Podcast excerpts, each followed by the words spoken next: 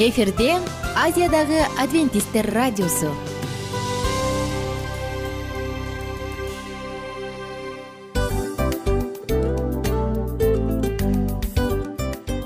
Достор салют. Баардык сүйүктүү угармандарыбызга салам айтабыз. Кутман күнүңүздөр менен.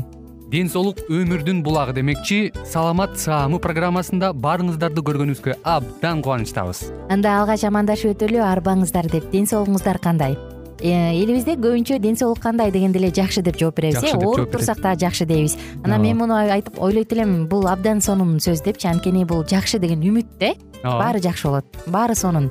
Деп үмүттөнүп атып эле өзүбүздү өзүбүз дарылап коебуз. Анысы кандай? Сиздин дагы ден соолугуңуз жакшы беш деген үмүттөбүз чындыгында ден соолук бул өмүрдүн булагы деп бекеринен айтылган эмес деп ойлойм. Кыргыз элинде анткени эгерде ден соолук жок болсо анда адамдын жашоосунда калган баардык керектүү маңыздуу нерселер өзүнүн баалуулугун жоготуп коет. Ошондуктан ден соолук бул эң керектүү нерсе. Ооба туура айтасың кесиптешим. Чынында ден соолугуң жок бир эки үч күн ооруп калсаң эле э кандай болуп калат? Жашоодо көз каранды болуп каласың көп нерсеге жетишпей каласың көп нерсени кыла албай каласың жада калса эшикке дүкөнгө да чыга албай каласың. Туптуура анан ден соолук болсо демек биз биздин бактыбыз тотой деп койсок болот.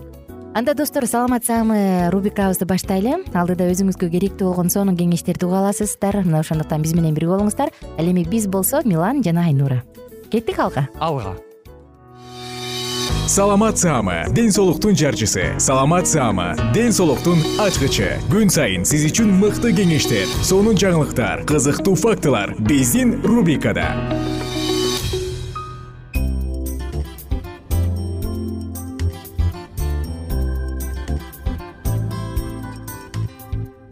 Кутман күнүңүздөр менен кадырлуу замандаштар салам достор. Сиздер менен кайрадан саламат саама рубрикасындабыз. Жана бүгүнкү темабыз минералдык туздарды жоготкондо деп аталат.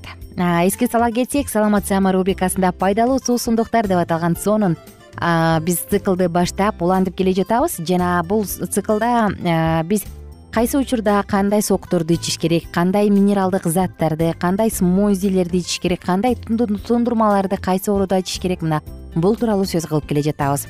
Минералдык туздар жөнүндө сөз кыла турган болсок албетте достор минералдык туздар абдан көп минералдык туздар минералдык жер семирткичтерди билебиз э минералдык суусундуктарды билебиз туздарды билебиз айтор толтура жалпысынан минералдык заттар жөнүндө бир аз айта кетсек бул негизи эмне? Тирүү организмдин клеткаларында органикалык заттар менен бирге минералдык дагы заттар болот. Алардын организм үчүн мааниси өтө көп түрдүү. Минералдык заттар белоктун пайда болушунда жана түзүлүшүндө маанилүү. Тамак аштын эң зарыл компоненти болуп организмдин тиричилигин жана өрчүүсүн камсыз кылат тамак сиңирүү ферменттерин синтездөөгө зат алмашууга катышат. Минералдык заттардын организмдеги кислота жегичтик тең салмактуулугу ткань менен клеткаларда суутек иондорунун физиологиялык концентрациясын бир калыпта кармап турууда дагы ролу чоң. Караңыздарчы тамак ашта жегичтүү же кычкылдуу мз бир артыкчылык кылса организмдеги кислота жегичтик тең салмактуулуктун бузулушуна алып келет кычкылдуу минералдык заттар күкүрт фосфор жана хлор башкалар этте балыкта нанда ал эми жегичтүү минералдык заттар бул баягы щелочный деп коет эмеспи калий натрий кальций жана магнийде сүт жана сүт азыктарында жер жемиштерде мөмөлөрдө көп болот. Минералдык заттар организмдегинин өлчөмүнө жараша микроэлементтер жана макроэлементтер болуп саналат. Микроэлементтер. Макроэлементтерди айталычы макроэлементтерге кальций фосфор калий натрий магний хлор темир жана башкалар кирсе микроэлементтерден ткандарда ноль бүтүн миңден бир пайыз кем кезиккен жез цинк кобальт марганец йод фтор жана башкалар кирет. Организмдин минералдык заттарга муктаждыгы негизинен тамак аш жана суу аркылуу канааттандырылат минералдык заттар суу кальций фосфор калий натрий хлор бром фтор йод темир гемоглобин магний жез стронций жана башкалардын баардыгы тең мына булар. Эми биз бир аз ушул темага токтолоордон мурун дагы элестетип көрсөк достор. Аябай кир кийим тим эле шалтактаган кир кийим. Анан кичинекей эле сууңуз бар. Тазиктин түбүндө кичинекей эле сууңуз бар. Ушул сууга ушул шалтактаган кир кийимди жууп көрдүңүз беле эгерде сиз мындайды башыңыздан өткөрсөңүз анда билесиз э канчалык оор экенин. Эгерде өткөрө элек болсоңуз анда билбейм бул жуй алабы жуй албайбы кирди кетиреби кетирбейби билбейм дешиңиз мүмкүн. Мына ошондуктан улам адамдын организми дагы ушул сыяктуу эле. Элестетиңиз. Жайкысын өзгөчө. Биз аябай тердеген кезде же тескерисинче жылдын кайсы гана мезгили болбосун аз суусундук ичкенибизде сууну көбүрөөк жоготконубузда же диарея болгондо ичип өтүп учурда биз суу көп жоготобуз туурабы? Мындай учурда биздин организмди дагы жанагыдай эле жаман нерселерден бөйрөк тазалай албай калат экен. Ошондуктан биз айта турган бүгүнкү бөйрөк үчүн деп аталган соктун сок бир эле стакан сок ысыктын күнүндөбү же спорттук кандайдыр бир машыгуулардан кийинби биздин организмибиз жоготкон минералдык туздарды кайра калыбына келтиргенге жардам берет. Мындай учурда биздин бөйрөктөрүбүз өзүнүн тазалоочу функциясын кайрадан жакшынакай бойдон аткара алат. Бөйрөк негизи организмди жөн гана суу менен камсыздабастан ал фильтр дагы болуп саналат э ошондуктан андан тышкары ал заара кубалоочу заара кубалоочу дагы мыкты сонун ролду аткарат эмеспи. Ошондуктан достор бөйрөгүбүз жакшы иштеш бериш үчүн ага минералдык туздарды берип каныбыздын курамындагы электролиттердин баардыгын тең деңгээлин туура деңгээлде сактап турушубуз керек. Эми андан ары жөнөйлү өзүңүздүн бөйрөгүңүздү кубандыргыңыз келсе анда биз айта турган сонун сокту ичиңиз. Кандай сок? Ингредиенттер. Жеткиликтүү жана жөнөкөй ингредиенттер жазып алыңыздар. Эки порция үчүн ар бири эки жүз миллилитрден ошондо бул жарым литр сок үчүн. Төрт чашка майда тууралган арбуз керек. Анын сыртын алып салыңыз жана ичиндеги данектерин алып коюңуз. Төрт спаржа керек. Эки даана эки баш сельдерей эки аш кашык меласа керек меласаны сиз кара патока менен пилансилио менен панелла менен алмаштырсаңыз болот. Же клендун сиропу менен алмаштырып койсоңуз болот. Дагы бир жолу кайталап өтөйүн. Төрт чашка майдаланып тууралган дарбыз төрт спаржа даана эки баш сельдерей жана бир аш кашык меласа керек. Даярдайлы эми э арбузду жана баардыгын тең ингредиенттерди тазалап туурап даярдап алыңыз. Аларды соковыжималкадан өткөрүңүз. Андан соң меласаны кошуп кайра аралаштырыңыз. Болду? Эгер кааласаңыз бир аз таттуу кылып даамын чыгарып алсаңыз болот. Кааласаңыз даам чыгарбастан иче берсеңиз болот. Абдан сонун жеңил жана өзгөчө жайкысын жагымдуу сок. Мындай соктун касиети минералдаштырат заара кубалоочу касиети бар жана организмди тазалайт. Анын курамында витамин с к магний б алты витамини калий темир селен кальций цинк жана башка мыкты витаминдердин баардыгы тең кездешет. Достор биз айткан сокту жайында тердеп келгенден кийин же жылдын кайсы гана мезгилинде болбосун спорт залдан келгенден кийин машыгуучу залдан келгенден кийин дагы сөзсүз өзүңүз үчүн жасап даярдап алсаңыз болот. Өтө катуу терчил болсоңуз анда бул сиз үчүн. Ичиңиз өтүп диарея болуп жатсаңыз сиз үчүн. Ичеги карын бузулуп бир аз көйгөйлөр пайда болуп турса сиз үчүн. Бөйрөгүңүз жакшы иштебей турса сиз үчүн. Караңызчы кандай гана алтын сок. Бул азыктардын баардыгын тең бизде жеткиликтүү кыргызстанда. Анда өзүңүздүн саламаттыгыңыз үчүн жагымдуу сокту жасаңыз дагы бир ырахаттанып ичип коюңуз а мен болсо сиздер менен коштошчу учурга келдим. Кийинки уктурууда кайрадан саатыбызды бирге улантабыз. Ага чейин сак саламатта туруңуздар дейбиз. Дагы ийгиликтүү иш күнүн каалайбыз.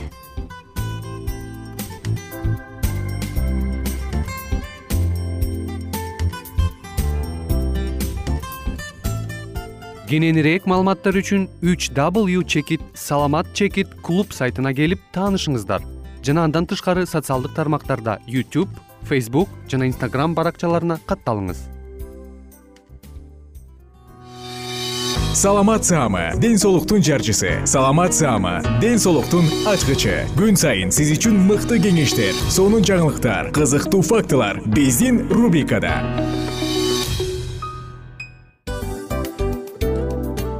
Салам достор.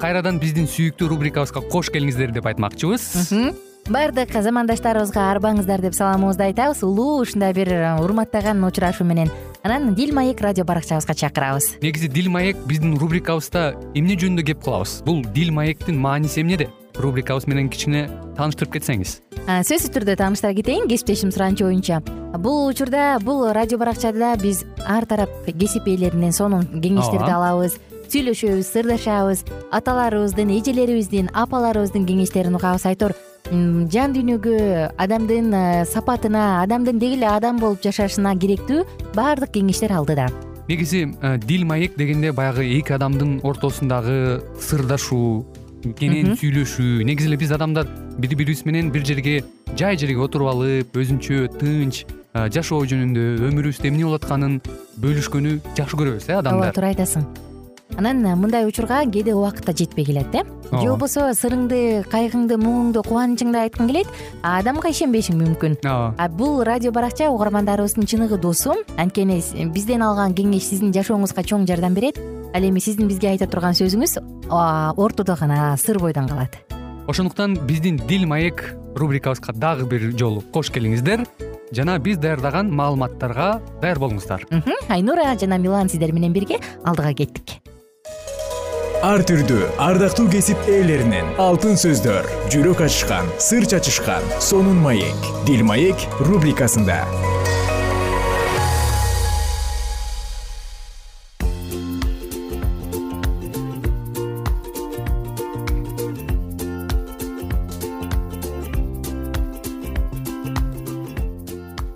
Салют достор биздин угармандарыбыздын баардыгына ысык салам айтабыз дагы. Жана жалпыңыздар менен кайрадан сонун дил маек уктуруусун баштадык. Бүгүнкү темабыз анна жөнүндө болмокчу. Анна кудай сыйынуусун уккан аял.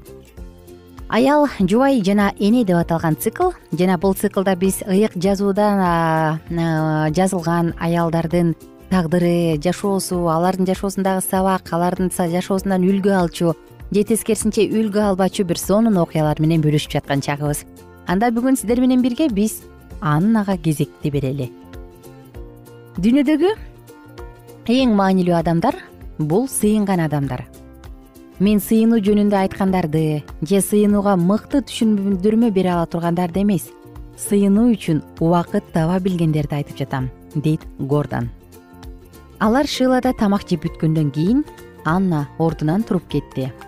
Ошол убакта ыйык кызмат кылуучу эли ибадаткананын кире беришинде отургучта отурган биринчи шамюэль китеби биринчи бап тогузунчу аяттан жыйырма сегизинчи аяттарга чейин. Анна ким? Анна жөнүндө бир аз айта кетели э? Мурунку уктурубузда эсиңиздерби биз пенина жөнүндө сөз кылганбыз. Ал элкананын экинчи аялы болчу элкананын эки аялы болгон бирөө анна бирөө пенина. Пенина кызганчаак көп балалуу болсо дагы ыраазы болгонду билбеген аял эле. Аннанын баласы жок болчу э? Анан пенина аны дайыма шылтыңдап келчү. Улантабыз анна үй бүлөсүнүн бузулушуна күнөөлүүбү мүмкүн ал баласыз өтүп баратканын көрүп саарага окшоп күйөөсүнүн никесиз аял алышына түрткү болгондур. Же элкана пенинага үйлөнүп жашап жатканда ага өзү экинчи аял болуп тийип алгандыр. Бул эки жагдайда тең ал арты кандай болоорун бул аракеттер үчөөнө кандай бактысыздык алып келерин ойлонбосо керек балким аны эч нерсе үчүн айыптоого болбойт чыгар. Күйөөсү элкана кудайдан корккон адам экинчи аялын өз каалоосу менен алгандыр. Бирок ал катуу кайгырган. Майда чүйдөсү анча деле маанилүү болбогондуктан библияда фактылар гана баяндалган чыгар. Аннанын кудайды билери жөнүндө сөз кылынган. Кудайга барчу жол анна үчүн ачык. Анткени күйөөсү үй бүлө башчысы катары белгиленген учурда өз жакындары үчүн курмандык чалып турат. Е вандер гувен өзүнүн периште менен коштошуу аттуу китебинде мындай дейт. Көзгө көрүнгөн күчтөрдүн баары кийлигишип жаткансып бул жашоо кээде кандай гана оомалуу төкмөлүү сезилет. Алар жашоого чабуул коюшат. Жашоонун түзүлүшү талкаланганга чейин жетет ушул сыяктуу нерсени анна да башынан өткөрүшү керек болду. Ал өтө көп ыйласа керек. Баласынын жоктугунан эле эмес күйөөсүнүн экинчи аялы пенина анын жүрөгүн оорутуу үчүн ар бир мүмкүнчүлүктү колдонгондуктан ал өзүн кудай калтырып кеткендей сезчү. Бүт үй бүлө курмандык чалыш үчүн шылада жылына бир жолу өтүлүүчү улуу майрамга жөнөгөн сайын пенина аннанын көңүлүн оорутчу элкана аннаны сооротуп сен менин сүйүктүүмсүң дечү андан соң мен сен үчүн он уулдан артык эмесминби? деп сурачу. Караңызчы кандай сонун сөздөр. Бул сөздөр аннаны бир аз сооруткону менен аны түркүн ойго салчу. Жүрөгүнүн тиреңинде ал өзүн ого бетер жалгыз сезчү. Күйөөсү андан балалуу болуу үмүтүн үзүп койгон жокпу? Ал ыбрайымдын бала сурап кудайга кайрылганын эстеди ыскак да өз аялынын балалуу болушун кудайдан суранган. Алардын аялдары кеч болсо да уулдарды төрөп беришкен. Ошол балдар өз элинин жашоосунда маанилүү ролду ойногон. Анна кудай гана түшүнүп жардам бере аларын билет. Ошол себептен ал ибадатканага кайтып келди. Бул жерден ал жүрөгүндөгү кайгысын айтып сыйынды. Өзүн мынчалык кыйнап жатканы эмне экендигин түшүндүрүү ага кыйын болду. Бир аз сооронкон ал кудайга кайрылып ичинен сыйынып жатты сибайот теңир деп баштады ал. Бул сыйынуу анын кудай менен болгон мамилесинин далили. Ал асман жердин теңири. Өзү жараткан баардык нерсенин үстүнөн бийлик кылган теңир. Ал буйруктарын күтүп турган сан жеткис периштелердин да теңири жана ысрайыл элине көптөгөн кереметтерди көрсөткөн теңир. Анын бул сөздөрүнөн биз теңирдин улуулугуна жана кудуреттүүлүгүнө болгон ишенимин көрө алабыз. Ал керемет кудай. Кудайга карата туура мамиле адамга өзүнө өзү туура баа берүүгө мүмкүндүк берет. Мен анын улуулугунун алдында эч ким эмесмин. Мен болгону күңмүн дейт анна күңмүн деген сөздү ал үч ирет кайталады. Анын күңмүн деп айтышынын жөнү бар. Анткени ыйык кудайдын алдында ал өзүн эч нерсеге арзыбаган санда жок адамдай сезди. Бирок ал кудайга кызмат кылгысы келчү. Адамга кудай тарабынан берилген артыкчылыкты туура түшүнүүнүн сыры ушунда. Кудай адамдын өзүнө кызмат кылышын каалайт муну түшүнгөн анна чоң нерсени суроого батынды ал кичинекей ырайым сурап кудайды капаланткан жок. Мындай улуу кудайдан керемет сурап сыйынууга болот. Анна кудайым сөзсүз эркек бала болсун деп каалоосун ачык айтты. Бала сурап сыйынгандан кийин ал кудайга убада берди. Мен аны өмүрү өткөнчө сага берем. Башына устара тийбейт бул убадасы менен ал назирлик жөнүндө айтып жатат. Кудай ага уул бере турган болсо анын ошол баласы кудайга арналган адам болмокчу. Ал шарап да күчтүү ичимдик да ичпейт чачын да алдырбайт. Караңыздарчы достор убада э? Убада анна убада берет кудайдан бала сурап атат. Окуянын уландысы кандай болот? Анна төрөйбү же төрөбөйбү мени кызыктырганы эмне себептен ал буга чейин сураган жок болду экен? Же буга чейин мынчалык деңгээлде батынган жок болду бекен кызык болуп турат. Анда достор биз кийинки уктурууда сиздер менен бирге анна андан ары эмне болот? Чын эле уулду болобу же болбой калабы? Мына ушул тууралуу сөз кылабыз. Ага чейин жалпыңыздар менен убактылуу гана коштошом. Жана бир нече мүнөттөрдөн кийин убактардан кийин кайрадан үн алышабыз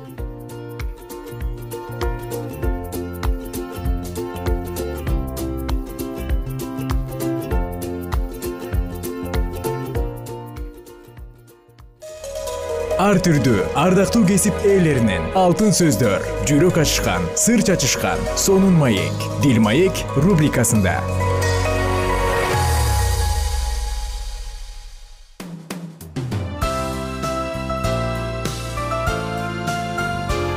Эфирде азиядагы адвентисттер радиосу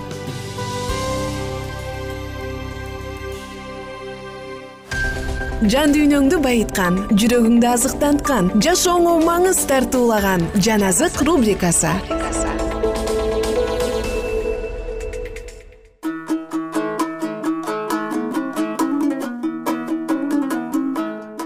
Кутман кушубак күнүңүздөр менен кадырлуу замандаштар ала тоону аркалаган жалпы кыргыз элим сиздер менен бирге жан азык уктуруусундабыз. Элчилердин иштери жыйырма жетинчи бөлүм римге жол тартуу. Италияга кеме менен сүзүп бара тургандыгыбыз чечилгенден кийин. Пабылды жана бир нече туткунду августтун аскер бөлүгүнүн ули деген жүз башынын колуна тапшырышты. Адрамиттик кемеге түшүп жолго чыктык. Ал кеме асиядагы кемелер туруучу жайдын жанынан өтмөк.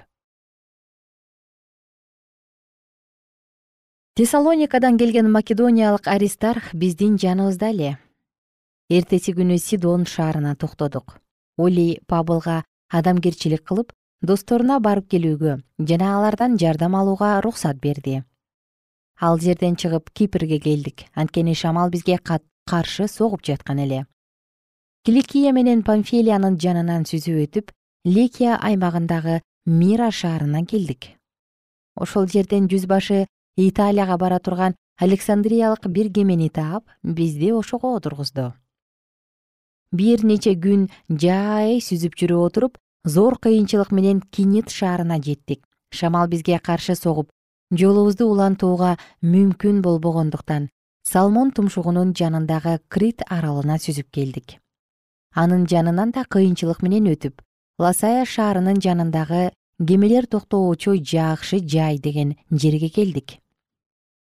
Бир топ убакыт өтүп орозо маалы да бүтүп калган эле сууда сүзүү коркунучтуу болуп калгандыктан пабыл аларга. Кулак салгылачы.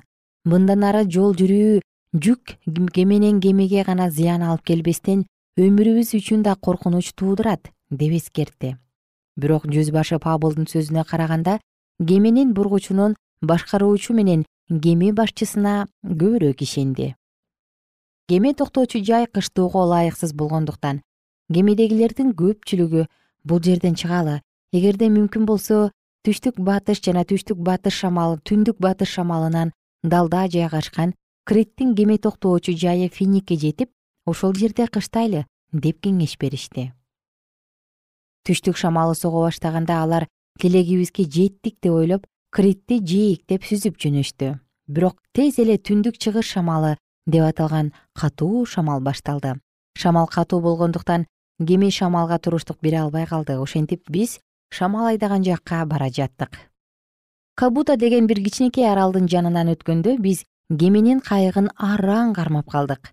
Кайыкты кеменин үстүнө чыгаргандан кийин кемени текерете жоон аркан менен курчадык да кумга сайылып калуудан коркуп парусту түшүрүп калкып жүрө бердик. Шамал күчөй бергендиктен эртеси күнү кемедеги жүктү ыргыта баштадык. Ал эми үчүнчү күнү өз колубуз менен кеменин жабдуусун ыргыттык бир нече күн бою күн да жылдыздар да көрүнгөн жок. Шамал болсо күчөгөндөн күчөй берди. Ошондо биздин аман калууга болгон үмүтүбүз үзүлө баштады. Кемедегилер көп күндөн бери тамактанышаа электе эле пабыл ортого чыгып мындай деди. Эркектер менин кеңешимди уксаңар болмок. Криттен чыкпай кое турганда мындай кыйынчылыктарга учурамак эмеспиз зыян да тартмак эмеспиз азыр болсо силерди кайраттанууга чакырам. Анткени бирөөңөр да өлбөйсүңөр. Кеме гана кыйрайт. Мен таандык болгон. Мен кызмат кылган кудайдын бир периштеси ушул түнү мага келип коркпо пабыл сен рим падышасынын алдына барышың керек. Сени менен бирге кемеде бара жаткандардын бардыгын кудай сага берди деди. Ошондуктан эркектер кайраттангыла анткени мен кудайга ишенемин мага кандай айтылса ошондой болот. Биз бир аралга туш болобуз. Биз адрия деңизинде шамалга айланып бара жатканыбызга он төрт күн болгондо түн ортосуна жакын кемечилер кургактыкка жакындап калышканын билишти. Ошондо алар суунун тереңдигин өлчөп анын жыйырма саржан экендигин билишти. Бир аз жылгандан кийин дагы бир жолу өлчөп көрүп он беш саржан экендигин билишти. Аскага урунуудан коркуп кеменин арткы бөлүгүнөн төрт оор кайырмак темирди сууга түшүрүштү да таңдын атышын күтүштү кемечилер кемени таштап качмакчы болушту. Алар кеменин тумшук жагынан оор кайырмак темирлерди сууга түшүрмүш болуп деңизге кайыкты түшүрө башташты.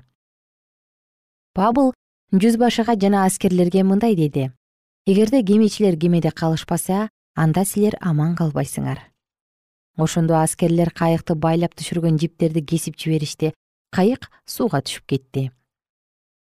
Таңга маал пабыл бардыгын тамактанып алууга чакырып кабатыр болуп жатканыңарга бүгүн он төрт күн болот. Эч нерсе да жей элексиңер аман калышыңар үчүн тамактанып алгыла. Эч бириңердин башыңардан бир тал чачыңар да түшпөйт деди ушул сөздөрдү айткандан кийин нан алып бардыгынын алдында кудайга ыраазычылык билдирди да нанды сындырып жей баштады. Ошондо бардыгы кайраттанып тамактанууга киришишти. Кемеде бардыгы болуп эки жүз жетимиш алты эркек элек. Тамактанып бүткөндөн кийин буудайды деңизге таштап кемени жеңилдете башташты. Таң атканда алар жээге кумдуу бир булуңду жана көрүштү. Бирок кайсы жерге келишкенин билишкен жок. Ошондо алар жээкке чыгууга аракет кылууну чечишти. Оор кайырмак темирлерди чечип деңизге таштап салышты. Анан кеменин байланган бургучтарын чечип кичинекей парусту шамалга тосуп жээкти көздөй сүзүп жөнөштү. Сүзүп бара жатып бир саяң деген жерге туш болушту. Кеме кумга сайылып калды. Кеменин тумшугу кумга тыгылып жылбай калды. Ал эми арткы бөлүгү толкундун күчү менен талкаланды туткундардын эч бири сүзүп качып кетпеш үчүн аскерлер аларды өлтүрүп салууну чечишти. Бирок жүз башы пабылды аман алып калууну каалагандыктан буга жол берген жок. Ал сүзгөндү билгендерге кемеден биринчилерден болуп секирип түшүп жээкке чыгууну буйруду. Калгандарга болсо тактайлар менен кеменин сыныктары менен кургактыкка чыгууну буйруду. Ошентип бардыгы аман эсен кургактыкка чыгышты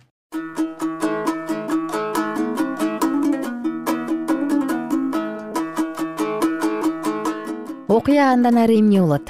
Биз кийинки уктуруубузда бирге улантабыз. Биз менен бирге болуңуздар. Күнүңүздөр көңүлдүү улансын. Жагымдуу маанай жана сонун күн каалайм.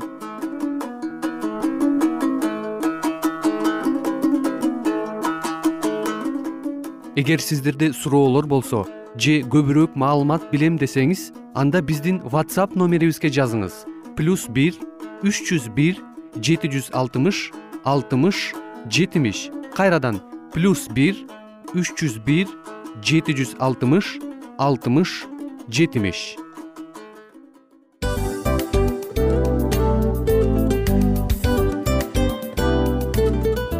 Достор биздин радио баракчаларыбыз соңуна келди. Демек бул программабызды дагы жыйынтыктаочу учур келдик. Учурга келдик. Анан кесиптешимен сурагым келип турат. Негизи эле иштин башталып атканы кубандырабы сени же жыйынтыгы кубандырабы албетте жыйынтыгы. Себеп дегенде сен кылган ишиңдин жыйынтыгын көрүп э, баягы мөмөсүн көрүп дегендей жыргайсың. Жүрөгүң жемишинен татып э? Кандай даамдуу деп. Баягы буудай сепкенде эмес буудай эгинди жыйнагандан кийин ысык нанды жегенде кадимкидей ырахаттанасың го. Ой айтпа туура айта кеттиңиз. Сонун салыштыруу болду анан мен дагы абдан кубанып турам анткени биз угармандарыбыз үчүн аябай эмгектенип келген уктуруубуздун соңуна келип калдык анан эми э, уктуруубуздун соңунда угармандар кандай пайда алып калды экен деп күтүп турам да. Балким э, менин жашоомо өзгөрүү киргизе турган сонун сөздөр болду. Мен ушул нерсени изилдеп анан кабыл албасам ушул нерсени кылбасам деген чечим чыгарсаңыз анда биз абдан кубанычтабыз. Сөзсүз түрдө. Андыктан кийинки биздин кызыктуу уктурууларыбыздан көрүшкөнчө сак саламатта калыңыздар. Чыдамсыздык менен сиздерди мен милан жана кесиптешим айнура күтөбүз баардык угармандарыбызга ийгиликтүү күн каалайбыз. Качан гана болбосун уртуңуздан жылмаюу кетпесин үйүңүздө көмүр жүрөгүңүздө көңүл болсун дейли